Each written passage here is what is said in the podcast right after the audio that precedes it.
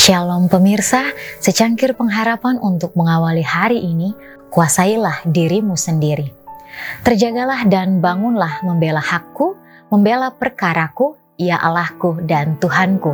Mazmur 35 ayat 23.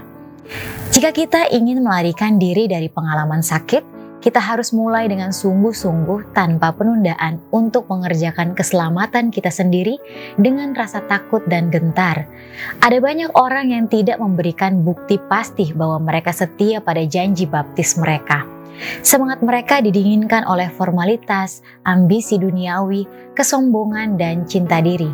Kadang-kadang perasaan mereka diaduk, tetapi mereka tidak jatuh ke batu karang. Yesus Kristus. Mereka tidak datang kepada Tuhan dengan hati yang hancur dalam pertobatan dan pengakuan.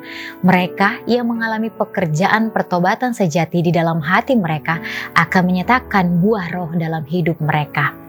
Wahai mereka yang memiliki sedikit kehidupan rohani akan menyadari bahwa kehidupan kekal dapat diberikan hanya kepada mereka yang mengambil bagian dalam kodrat ilahi dan melarikan diri dari kerusakan yang ada di dunia melalui nafsu.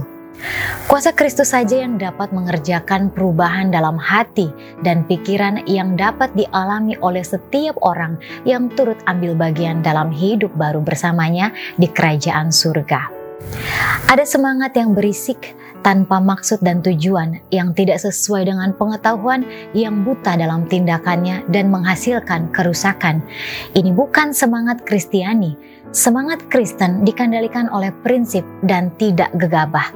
Itu sungguh-sungguh dalam dan kuat, melibatkan seluruh jiwa dan membangkitkan untuk menjalankan kepakaan moral. Keselamatan jiwa dan kepentingan kerajaan Allah adalah hal yang paling penting. Objek apakah yang membutuhkan kesungguhan yang lebih besar daripada keselamatan jiwa dan kemuliaan Tuhan? Demikianlah renungan kita hari ini. Selalu mulai harimu dengan secangkir pengharapan.